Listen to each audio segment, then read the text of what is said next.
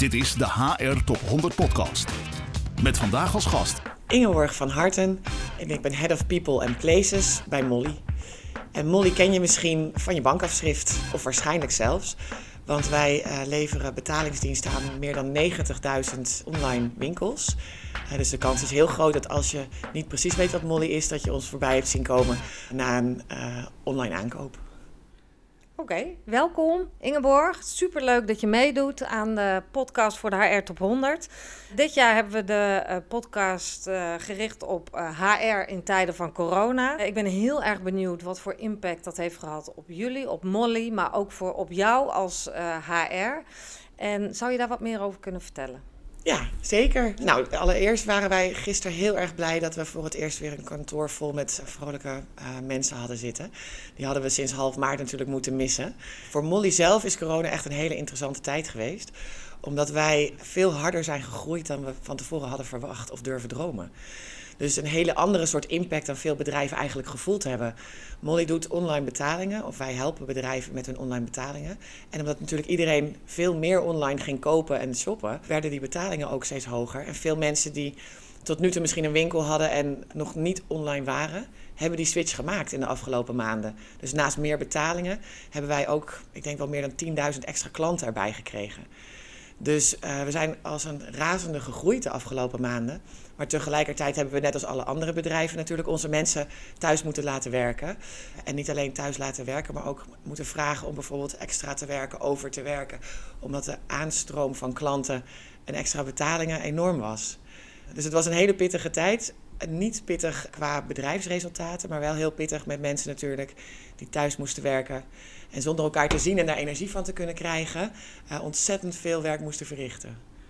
Jeetje, ik kan me voorstellen dat dat voor nou ja, alle mensen een enorme impact had. Leuk hè, sterk groeiend, dus uh, super positief eigenlijk. Ja, hoe hou je die mensen engaged en hoe zorg je dat ze eh, harder gaan werken en aligned blijven bij de zo snel groeiende organisatie? Ja, dat was denk ik ook wel de grootste uitdaging. Want je vraagt nogal wat van mensen die helemaal niet gewend zijn om thuis te werken. En het ook in heel veel gevallen helemaal niet wilden of konden. Dus we hadden mensen die thuis zaten, vooral in Amsterdam. Ons hoofdkantoor zit op de Keizersgracht. Dus veel jonge mensen die bij ons werken, die hebben huisgenoten, wonen in kleine studiootjes. Moesten werken vanaf hun slaapkamer op hun bed, laptop op schoot. Nou, dat hou je niet dagen vol, uh, laat staan maanden. Dus we zijn in eerste instantie wel gelijk begonnen met het zorgen dat iedereen een goede werkplek kon inrichten. Dus qua engagement, al voordat ze naar huis gestuurd werden, zeiden we: koop een bureau, koop een extra scherm, een goede stoel en zorg ervoor dat je thuis goed zit. Om te zorgen dat mensen gewoon heel praktisch konden werken thuis. En vervolgens hebben wij als HR-team en ook wel een klein breder team gekeken wat moeten we doen om te zorgen dat deze mensen zich, zonder dat hun manager of collega's naast ze zitten, ontzettend gewaardeerd gaan voelen uh, voor het extra werk wat, ze, wat we ze vragen om te doen. Dus we zijn met heel veel initiatieven begonnen. Sommige lopen nu een beetje af omdat we weer terug naar kantoor gaan. Maar dan moet je denken aan wekelijkse soapbox-sessies, waarbij de CEO en de CFO allemaal uh, online meedeelden hoe het bedrijf ervoor stond, wat, hoe we groeiden, wat er gebeurde. Dus in plaats van één keer per maand werd die communicatie ontzettend opgeschroefd. We hebben aan het begin dagelijks en daarna wekelijks en daarna twee wekelijks corona-updates gestuurd naar iedereen. Uh, en we zijn begonnen met allemaal initiatieven om mensen te verbinden. Dus zorg dat ze nog naast hun eigen teamleden, waar ze toch wel misschien online mee meeten of even mee bellen, ook nog andere mensen uh, horen en zien en spreken. Door bijvoorbeeld vrijdagmiddagborrels online te organiseren. Of disco bingo te organiseren. Uh, Koningsnacht te organiseren. Uh, spelletjes, muziekmiddagen, yoga met z'n allen. Eigenlijk alles wat we konden verzinnen. Wat vaak georganiseerd werd vanuit Molly's zelf. Dus onze eigen medewerkers kwamen met die initiatieven. Om maar te zorgen dat je dat gevoel van samenwerken niet kwijtraakte. Nee, dat, uh, dat zijn superleuke initiatieven. Hoe ging je om met de enorme business die het uh, genereerde en de hoeveelheid mensen die je in dienst had? Ja, daar uh, hebben we ook wat gas bij moeten zetten. We hadden bijvoorbeeld op de klantenservice, we kregen zoveel vragen, vooral in de eerste maanden van corona. Dat die, die mensen konden dat niet aan. En ook niet als ze in de avonden en de weekenden werken. Dan, ja, de vragen bleven maar doorstromen. dus we hebben in de afgelopen zes maanden meer dan 100 nieuwe mensen geonboord. En dat is best veel als je bedenkt dat we momenteel 260 medewerkers hebben. Jeetje. En hoe doe je dat dan online? Ja, ik denk dat dit een van de hele mooie resultaten is van corona. Voordat we thuis moesten gaan werken, zeiden we altijd dat we mensen uh, absoluut face-to-face op kantoor wilden interviewen. En ook als we kandidaten uit het buitenland uh, voor een baan overwogen, dan wilden de managers toch altijd wel, al was het het laatste gesprek, iemand zien.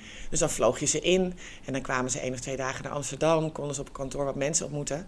En dat kost natuurlijk uh, tijd, zowel van de kandidaat als van onze mensen, en geld. En was niet altijd op korte termijn in te plannen. En corona heeft ervoor gezorgd dat we voor het eerst eigenlijk comfortabel moesten worden met het geheel remote aannemen van mensen.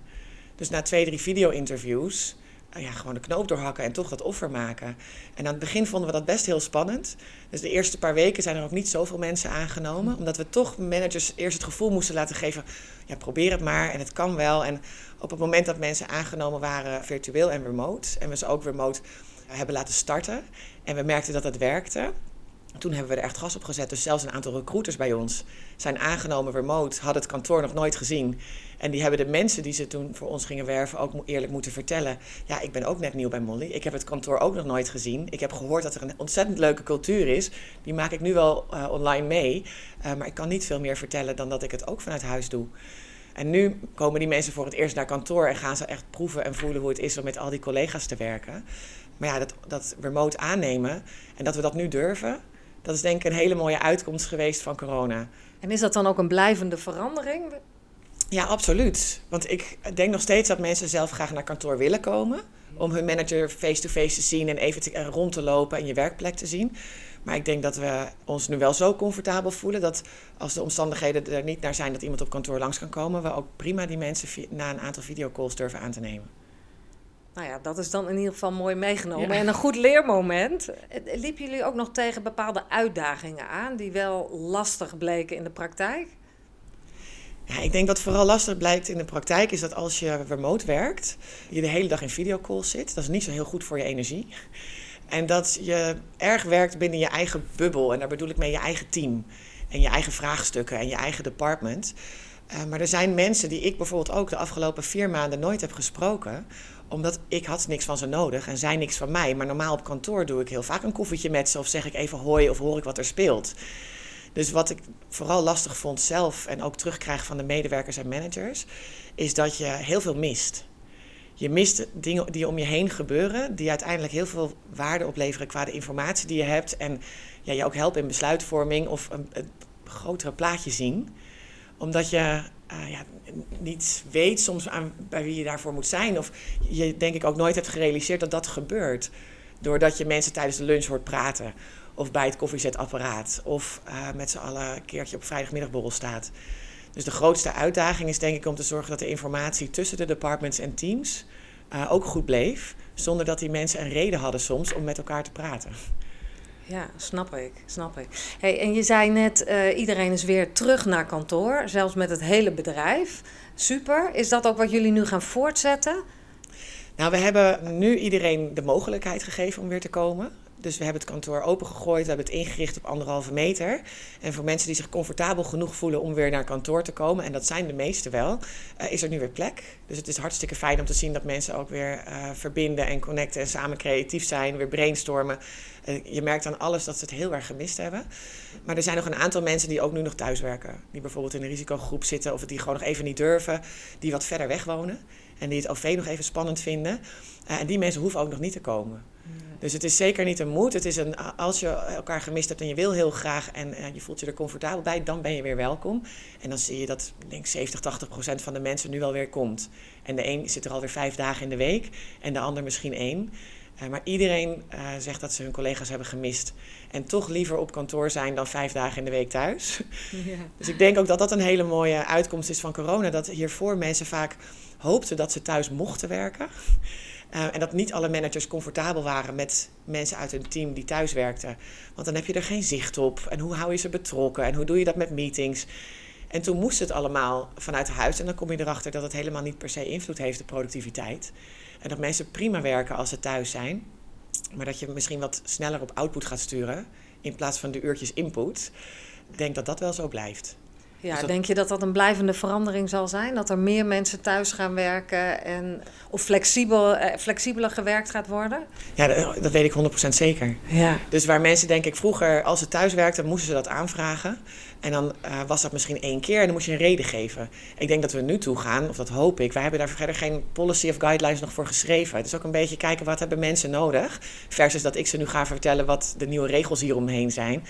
Maar dat mensen die graag thuis werken en die ook misschien hebben aangetoond dat dat voor hun werk helemaal geen probleem is of, of bezwaren oplevert, dat die zeker vaker thuis kunnen werken. En dat ik denk dat er een combinatie moet gaan komen van een werkplek waar je geïnspireerd wordt, waar je samenkomt, waar je creatief bent, ja, waar je je collega's ziet en waar je verbindt. En thuis waar je misschien goed kan focussen of eventjes eh, de rust vindt om iets af te maken wat helemaal niet op kantoor hoeft. Ik geloof niet dat mensen naar kantoor moeten komen om van 9 tot 5 of van 9 tot 6 achter een computerscherm te zitten. Nee, precies. Dus meer vrijheid daarin eh, is in ieder geval een winst van deze tijd. Ja, als je echt achter een computerscherm gaat zitten, dan kan je dat werk overal doen. Dat hoeft voor mij niet op kantoor. Dus en heeft hoop- dat nog invloed op eh, het kantoor waar jullie zitten? Of de kantoorplek? Wordt Ja. dat nog anders? Gelukkig, maar dat, is, eh, dat, was, dat stond al in de planning. Maar wij verhuizen er 17 augustus naar een nieuw pand. En dat hadden we, eh, alsof we het zagen aankomen, al gelukkig helemaal ingericht als een plek waar creativiteit gestimuleerd moest worden. Dus met hele grote ruimtes waar banken staan en eh, koffiehoekjes. eh, waar je niet aan je bureau per se zit, maar waar je heel veel samenwerkingsplekken en hoekjes hebt gecreëerd. Dus dat mensen niet aan hun bureau naast elkaar werken, maar juist veel meer in groepjes. Een echte ontmoetingsplek. Ja, een ontmoetingsplek. En er waren ook al 150 plekjes waar we in principe flexplekken voor in gedachten hadden, maar niet per se met een scherm. Je pakt je laptop, je gaat ergens zitten en dat kan zijn beneden bij het restaurant of, of eh, in de tuin. Dus het nieuwe kantoor eh, waar we zo meteen heen gaan, is echt ingericht als een bijna een hotel slash woningachtige feel. Je komt er binnen, er is heerlijke koffie, er is lekker eten, ook een ontbijtje, er staat een lunch, er is een middagsnackje wat gezond is. Dus ik denk dat dat kantoor een heel mooi alternatief is voor thuis. Eh, Klinkt heel gezellig. Kun je Ja. er ook slapen? ik denk wel dat er mensen kunnen slapen. Ik weet niet of dat aangemoedigd gaat worden. Maar, Ehm, maar ik denk wel dat het een plek is waar mensen graag komen. Dus eh, eh, waar je vroeger kantoor zag als een plek waar je moest zijn om te kunnen werken. Denk ik dat wij en ik hoop vele andere bedrijven nu kantoren gaan creëren waar mensen graag naartoe komen. Omdat ze merken dat ze daar misschien wel beter werk doen of geïnspireerd raken. En dan vervolgens het werk wat ze moeten uitvoeren misschien weer op een andere plek kunnen doen. Ja. Hey, ik merk aan je verhaal dat jullie alweer heel erg eh, aan het bouwen zijn en verder. En de tijd zeg maar na corona. Kun jij misschien wat best practices delen eh, ter inspiratie voor andere mensen en bedrijven die nog niet zo ver zijn? Ik vind een best practice altijd moeilijk, want wat bij ons heel goed werkt, werkt niet natuurlijk per se overal. Ik denk wat wij eh, goed gedaan hebben of goed doen. Veel bedrijven hebben nog steeds een jaarlijkse engagement survey. En die doen wij ieder kwartaal. En wat betekent dat je wat vaker feedback krijgt van de mensen uit het bedrijf. Wat gaat er goed, wat gaat er niet goed. En daar veel sneller op in kan springen. Eh, dan kan je concretere acties uitrollen. Dan kan je gelijk na een kwartaal meten, hebben we iets opgelost. We hadden een engagement survey, eh is altijd de eerste week van het nieuwe kwartaal. Dus in januari hadden we hem gehad. Toen hebben we daar wat actiepunten op ondernomen. En dat was onder andere transparantere communicatie, transparanter in onze recruitmentprocessen. We hebben wat leuke kleine benefits geïntroduceerd, eh, zoals wat extra dagen vrij voor ouders. Daar kregen we heel leuk feedback op. En maar toen hadden we de engagement survey weer in april. En dan zag je dat de thema's gewoon heel anders waren. Toen zat iedereen net twee weken thuis. En toen kregen we terug te horen dat mensen juist heel blij waren met de communicatie, maar nog meer communicatie verwachten. Dat mensen wat onzeker waren over hun baan en over de financiën misschien van het bedrijf. En toen hebben we daar gelijk op in kunnen springen. Door dus de communicatie te verhogen. eh, door mensen eh, vaak te bellen. eh, door heel erg te laten voelen wat wij voelden en constant updates te geven. Nu is de engagement survey toevallig gisteren weer geopend. Dus ik ben heel benieuwd wat er volgende week uitkomt. Maar ik denk dat de best practice is wel dat je echt vaak aan je medewerkers vraagt: waar zit je mee, waar heb je behoefte aan? En op basis daarvan je communicatie en je thema's binnen HR uitbouwt. En een andere best practice bij ons was: mensen die thuiswerken hebben vaak niet meer een incheck en een uitcheckmoment. Dus ze voelen niet meer wanneer hun dag start en wanneer hun dag eindigt. En als jij niet aan het einde van de dag het gevoel hebt dat je bedankt wordt voor je inzet die dag, of dat je manager even zegt: hé, hey, dankjewel, tot morgen, dan wordt het een beetje een blur. Wanneer houdt werk op en wanneer begint mijn eigen leven? En in het weekend, normaal op vrijdag of op donderdagmiddag, zeiden we elkaar met z'n allen gedag. En dan hadden we altijd een borreltje. En dat was gewoon een mooi moment om de week af te sluiten. Dus wij hebben bij Molly iedere week de week afgesloten met een klein cadeautje. Wat wij stuurden naar alle medewerkers, zowel binnen als buitenland. En dat varieerde van een uh, heel mooi voedselpakket tot een plant voor je thuiswerkkantoortje.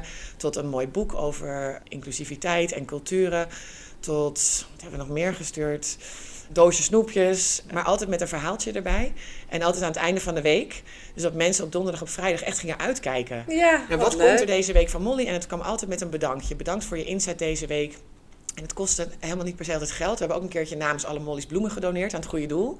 Maar dat was dan ons bedankje aan jullie voor het doneren van die bloemen. Dus het gevoel geven aan je mensen dat ze nog steeds de belangrijkste zijn. En dat ze nog steeds iedere week bedankt worden voor hun inzet. Dat heeft bij ons heel veel goed gedaan.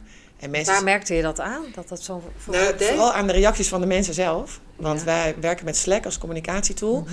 En iedere donderdag of vrijdag, zodra de eerste uh, zijn pakje of zijn dingetje binnenkreeg, dan volgde er een stroom aan reacties. Maar ook de reacties van medewerkers richting het HR-team of de bedankjes of via managers. Uh, dat ze eigenlijk gingen uitkijken naar het moment dat er gebeld werd of dat, uh, dat het mailtje verstuurd werd. Omdat ze het gevoel kregen dat we er echt voor ze waren. En dat we ze altijd op nummer één hebben gezet. En eh, ze niet vergeten waren. En er zijn genoeg voorbeelden van bedrijven, helaas ook waar bijvoorbeeld familie van mij werkt. Daar hebben medewerkers soms weken niks gehoord van het bedrijf qua update of van hun manager niet. En dan snap ik best wel dat je bezig bent met je crisisberaad en dat je misschien niet zoveel te vertellen hebt. Maar ik denk dat je niet moet vergeten dat er dan heel veel mensen op dat moment op jou wachten en iets willen horen. Dus de best practice was denk ik wel mensen constant laten weten dat je met ze bezig bent. Ja, snap ik. Zijn er ook nog bedreigingen voor jou als HR of voor Molly aan zich naar aanleiding van deze coronatijd? Nou, bedreiging vind ik een beetje moeilijk. Ik denk dat wij uh, momenteel ontzettend snel gegroeid zijn.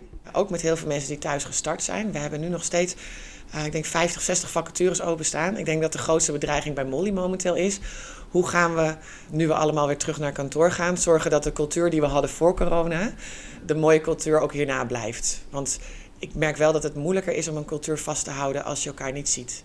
En als je remote werkt. En ik vind het ontzettend knap dat er bedrijven zijn die hebben besloten dat ze volledig remote gaan. Uh, dat zou ik persoonlijk niet durven. En ik denk voor het HR-team de grootste bedreiging is dat we de afgelopen maanden gewoon ontzettend hebben moeten buffelen iedere dag was een dag met dingen die je eigenlijk nog nooit gedaan had. En zowel op administratief vlak, op hoe je mensen aanstuurt, hoe je managers ondersteunt. Dus ik denk de grootste bedreiging is dat mensen misschien hun vakantiedagen niet opgemaakt hebben en dat iedereen wel even toe is aan een break. En dat we dat ook ontzettend moeten stimuleren bij onze teams en onze medewerkers. Maar ja, ik denk dat dat de belangrijkste zijn. En hebben jullie daar als HR dan ook nog een uh, plan van aanpak in? Hoe dat uh, te overleven de komende tijd? Nou, voor het HR-team gaan we een aantal interimmers inzetten om te zorgen dat onze vaste mensen lekker even op vakantie kunnen. Maar in het bedrijf zelf zijn we bijvoorbeeld. We hebben een tijdje gevraagd of mensen niet op vakantie wilden gaan. Ook omdat ze in lockdown zaten, dat veiliger was. Ja. En het ook niet aangeraden werd op dat moment vanuit de overheid. En omdat we mensen ook echt nodig hadden. En op een gegeven moment hebben we dat losgelaten en gezegd: als je nu een break nodig hebt of een paar dagen vrij, neem het alsjeblieft, maar doe het voorzichtig. Dus of doe het thuis of doe het in ieder geval in eigen land. Reis nog even niet. En nu zijn we eigenlijk de andere kant op geslagen en hebben we gezegd: na al die maanden van hard werken, ga alsjeblieft even op vakantie. Dus neem even vrij. Dus ons plan van aanpak is eigenlijk dat we nu met alle managers ook zitten en zeggen: Oké, wat zijn de vakantiebalansen van je medewerkers en hoe zorgen we ervoor dat mensen niet over een paar maanden uh, ja, niet meer zien zitten omdat ze gewoon te hard hebben gewerkt. Dus actief aanmoedigen om vakanties te nemen is momenteel het beleid. Ja, en dan gespreid het liefst. Ja, ja snap ik. Hoe zie jij de toekomst van werk, zeg maar, voor de samenleving, maar ook voor Molly aan zich, na alles wat er gebeurd is? Nou, er, er, is best heel veel, denk ik, in het nieuws geweest over. Nou, ik, vind, ik vind het woord kindness sowieso heel mooi. Maar ik denk dat in de samenleving best wel een roerige periode. Corona was niet leuk, maar daarnaast heb je alles over die vluchtelingen en racisme, Black Lives Matter. Het is best een pittige periode, denk ik, voor heel veel mensen geweest. Waarin ook steeds vaker weer naar boven komt hoe belangrijk het is dat je uh, voor elkaar bent. Dat je aardig voor elkaar bent. Dat je, ja, dat je, dat je warm bent. Daar ben ik zelf altijd van geweest.